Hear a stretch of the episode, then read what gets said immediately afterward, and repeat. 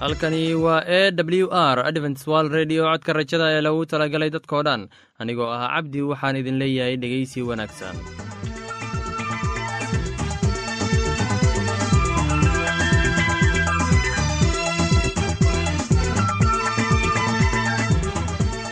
Barnaamijyadeena maanta waa laba qaybood. Qaybta kuwaad waxaad ku maqli doontaan barnaamijka nolosha qoyska. Kadib waxaa inoo raaci doonaa cashar inaga yimid bugga nolosha ee dhegeysi wacan kulanti wacan dhegaystayaal kuna soo dhowaada barnaamijkeennii nolosha qoyska oo aad xiliyadan oo kale aad hawada inaga dhegaysan jirteen. Mowduuciina maanta wuxuu ku saabsan yahay waxyeelaynta haweenka anigoo ah cabdi waxaan idin leeyahay dhegaysi wacan dhammaantiinba. Waxyeelooyinka loo geysto haweenka waa mid maalin maalinta ka dambaysa sii kordhaysa gaar ahaan qaaraddan afrika haweenka waxay rag badani u arkaan kuwo ka liita ragga oo ka hooseeya sidaa darteedna ay siday doonaan ka yeela haweenka.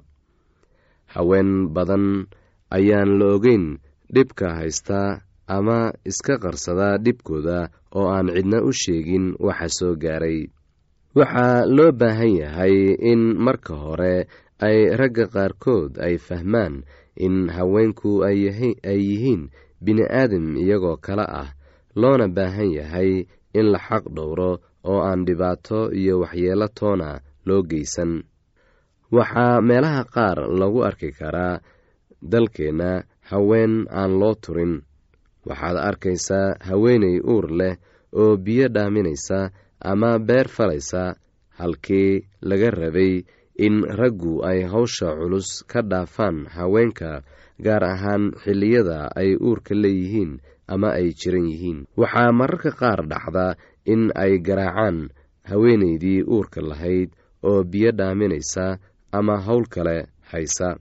Dabeecadahan waxay ku badan yihiin meelaha dhoobeyda ah oo raggu ay aad ugu shaqeeyaan haweenka una iyagoon u naxariisan oo u taal sheegta mar walba. Sidoo kale ragga magaalooyinka jooga waxay iyaguna u itaal sheegtaan haweenka. Waxaan inta badan aragnaa haweenka oo shaah dariiqyada ku iibiya ama qaad iibiya iyagoo reerkooda biilaya. Taa la yaab ma laha waayo waa shaqo loo baahan yahay. Laakiin waxaa dhacdaa in rag badani ay ku dilaan xaasaskooda ama ay ku qayliyaan si qaad loogu iibiyo. Haddii ay sansiinin lacag ay ku iibsadaanna ama qaadka aysan siinin ay markaa qaylo iyo dhibaatooyin u geysanayaan. Haddaba dhegaystow ku xadgudubka haweenka waa dembi weyn ilaah agtiisa waana in aan waajib ballaaran iska saarnaa dhowrista xuquuqda haweenka waayo waynala dhasheen oo wayna dhaleen waana aan la dhalanay. Rag inala mid ahna way la dhasheen. Ragga qaar ayaa qabaa in haweenku aysan inaba xuquuq lahayn ama u maleeya in ay ka liitaan. Runtii ragga iyo haweenka ilaah ayaa wada abuuray oo ilaah agtiisa way u wada siman yihiin. Ogow haddii aad xaqirto ruux haweenay ah inaad xaqirtay hooyada tii ku dhashay adiga. Ragga qaar ayaa si xun u garaaca haweenka oo dhaawacyo xunxun gaarsiiya.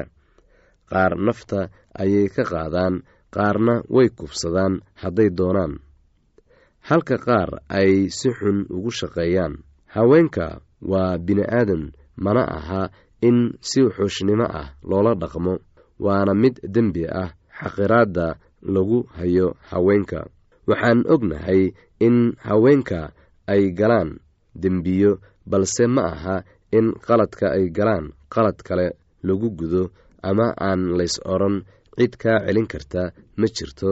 Sidaa darteedna sidaad doonto ka yeel ragga quman waa kuwa u naxariista haweenka oo u tura balse kan maangaabka ah ayaa ku xadgudba haweenka. Dad badan oo soomaali ah ayaa qabaa in gabdhuhu aysan wax faa'iide ah u lahayn reerka ay ka dhalatay balse qaba in ay ceeb u soo jiidayso. Waxaan maanta wada ognahay in gabdhuhu ay boqolkiiba boqol ka naxariis badan yihiin wiilasha kana waxtar badan yihiin. Guud ahaan haweenku waa aasaaska bulshada maadaama ay aasaaska bulshada yihiinna waa in ahmiyad gaar ah la siiyaa oo aan lagu xadgudbin lagana ilaaliyaa kuwa ku xadgudba haweenka sharcigana la keeno si waajibaadkooda loo marsiiyo. Dhegeystayaasheenna qiimaha iyo qadarinta mudano waxaan filayaa inaad si habboon u dhegeysan doontaan. Haddaba haddii aad qabto wax su'aal ama talo iyo tusaale oo ku saabsan barnaamijyadeena maanta fadlan inala soo xiriir. Dib ayaynu kaga sheegi doonaa ciwaanka yagu balse intaynan u guuda gelin barnaamijyadeena xiisaa leh. Waxaad marka hore ku soo dhowaataan. Heestan daabacsan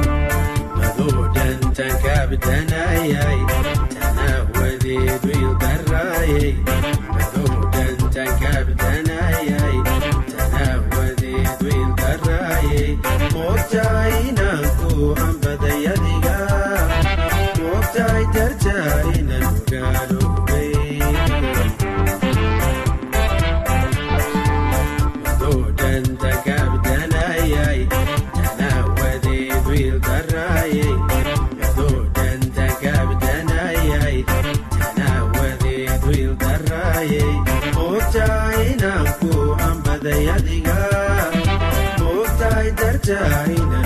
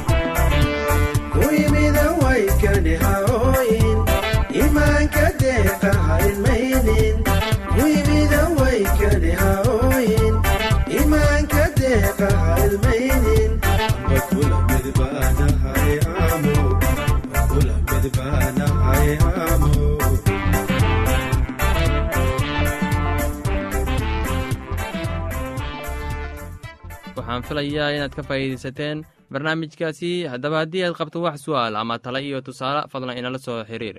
Ciwaanka yagu waa codka rajada sanduuqa boosada afar laba laba todoba lix nairobi kenya. Mar labaad ciwaanka yagu waa codka rajada sanduuqa boosada afar laba laba todoba lix nairobi kenya. Imeilka waa somali at a w r o r g. Mar labaad imeilka waa somali at a w r o r g. Ama barta internetka ciwaanka yagu oo ah www codka rajada o r g mar labaad ciwaanka yagu waa www codka rajada o r g ama waxaad inagala soo xiriiri kartaan barta emesonka ciwaanka yagu oo ah codka rajada at hotmail com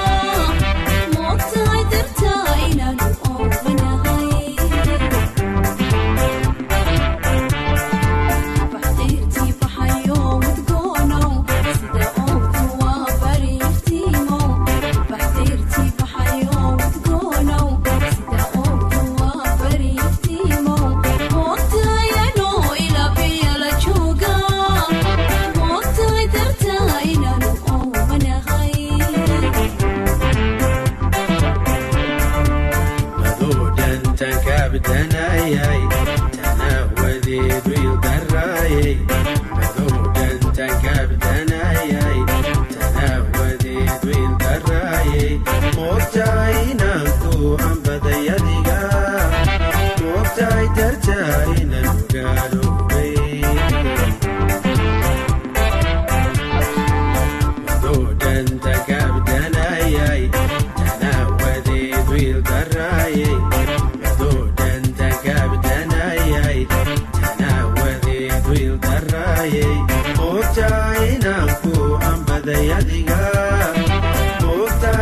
adiga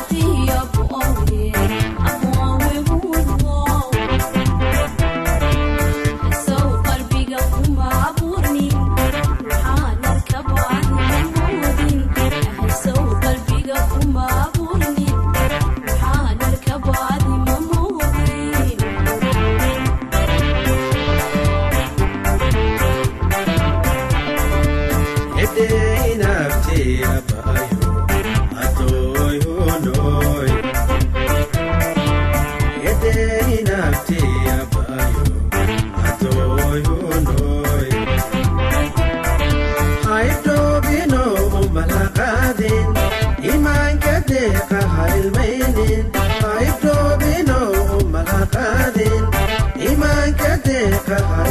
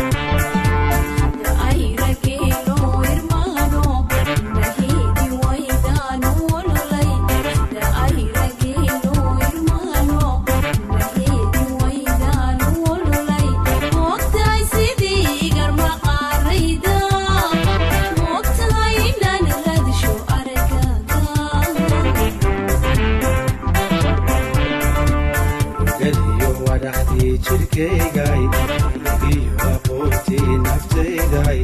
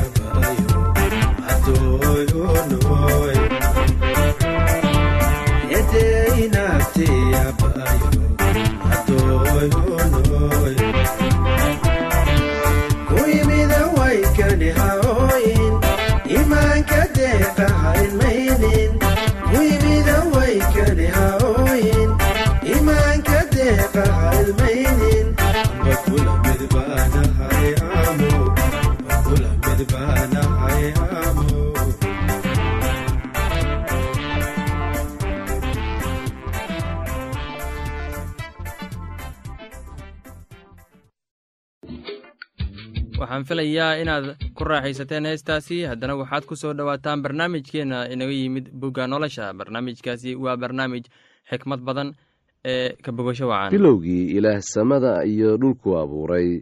Dhulkana qaab ma lahayn wuuna madhnaa. Gudcurna muulkuu dul joogay oo ruuxa ilaahna wuxuu ka dul dhaqdhaqaaqayay biyaha. Ilaahna wuxuu yidhi iftiin ha ahaado iftiin baana ahaaday ilaahna wuxuu arkay iftiinkii inuu wanaagsan yahay. Ilaahna iftiinkii ayuu ka soocay gudcurkii. Ilaahna iftiinkii wuxuu u bixiyey maalin gudcurkiina wuxuu u bixiyey habeen. Waxaana jiray fiid iyo subax isla maalin ah. Ilaahna wuxuu yidhi meel bannaani ha noqoto biyaha dhexdooda oo iyadu biyaha ha ka soocdo biyaha markaasuu ilaah sameeyey meeshii bannaanka ahayd oo wuxuu biyihii bannaanka ka hooseeyey ka soocay kuwii bannaanka ka sarreeyey. Sidaasayna ahaatay. Ilaahna bannaankii wuxuu u bixiyey samo waxaana jiray fiid iyo subax maalintii labaad. Ilaahna wuxuu yidhi biyaha samada ka hooseeya meel ha isugu soo urureen oo ciidda engegani ha muuqato sidaasayna ahaatay. Markaasuu ilaah ciidda engegnayd u bixiyey dhul ururkii biyahana wuxuu u bixiyey bado oo ilaah wuxuu arkay intaasu wanaagsan tahay. Ilaahna wuxuu yidhi dhulka ha soo bixiyo doog iyo geedo yaryar oo iniino dhala iyo geedo waaweyn oo midho caynkooda ah dhala oo inanahoodana ku dhex jiraan oo dhulka ku kor yaal sidaasayna ahaatay. Dhulkiina wuxuu soo bixiyey doog iyo geedo yaryar oo leh inino caynkooda ah iyo geedo waaweyn oo midho dhala oo inanahooda ku dhex jiraan iyagoo caynkooda ah. Ilaahna wuxuu arkay intaasu wanaagsan tahay waxaana jiray fiid iyo subax maalintii saddexaad. Ilaahna wuxuu yidhi iftiimo ha ahaadeen meesha bannaan oo samada dhex ah si ay u kala soocaan maalinta iyo habeenka oo ha u ahaadeen calaamooyin iyo xiliyo iyo maalmo iyo sannado oo iftiimo ha u noqdeen meeshii bannaanayd oo samada dhex ahayd si ay u iftiimiyaan dhulka dushiisa sidaasayna ahaatay oo ilaah wuxuu sameeyey laba iftiin oo waaweyn si uu iftiinka weyn u xukumo maalinta. Iftiinka yaruna u xukumo habeenka oo xidigahana wuu sameeyey.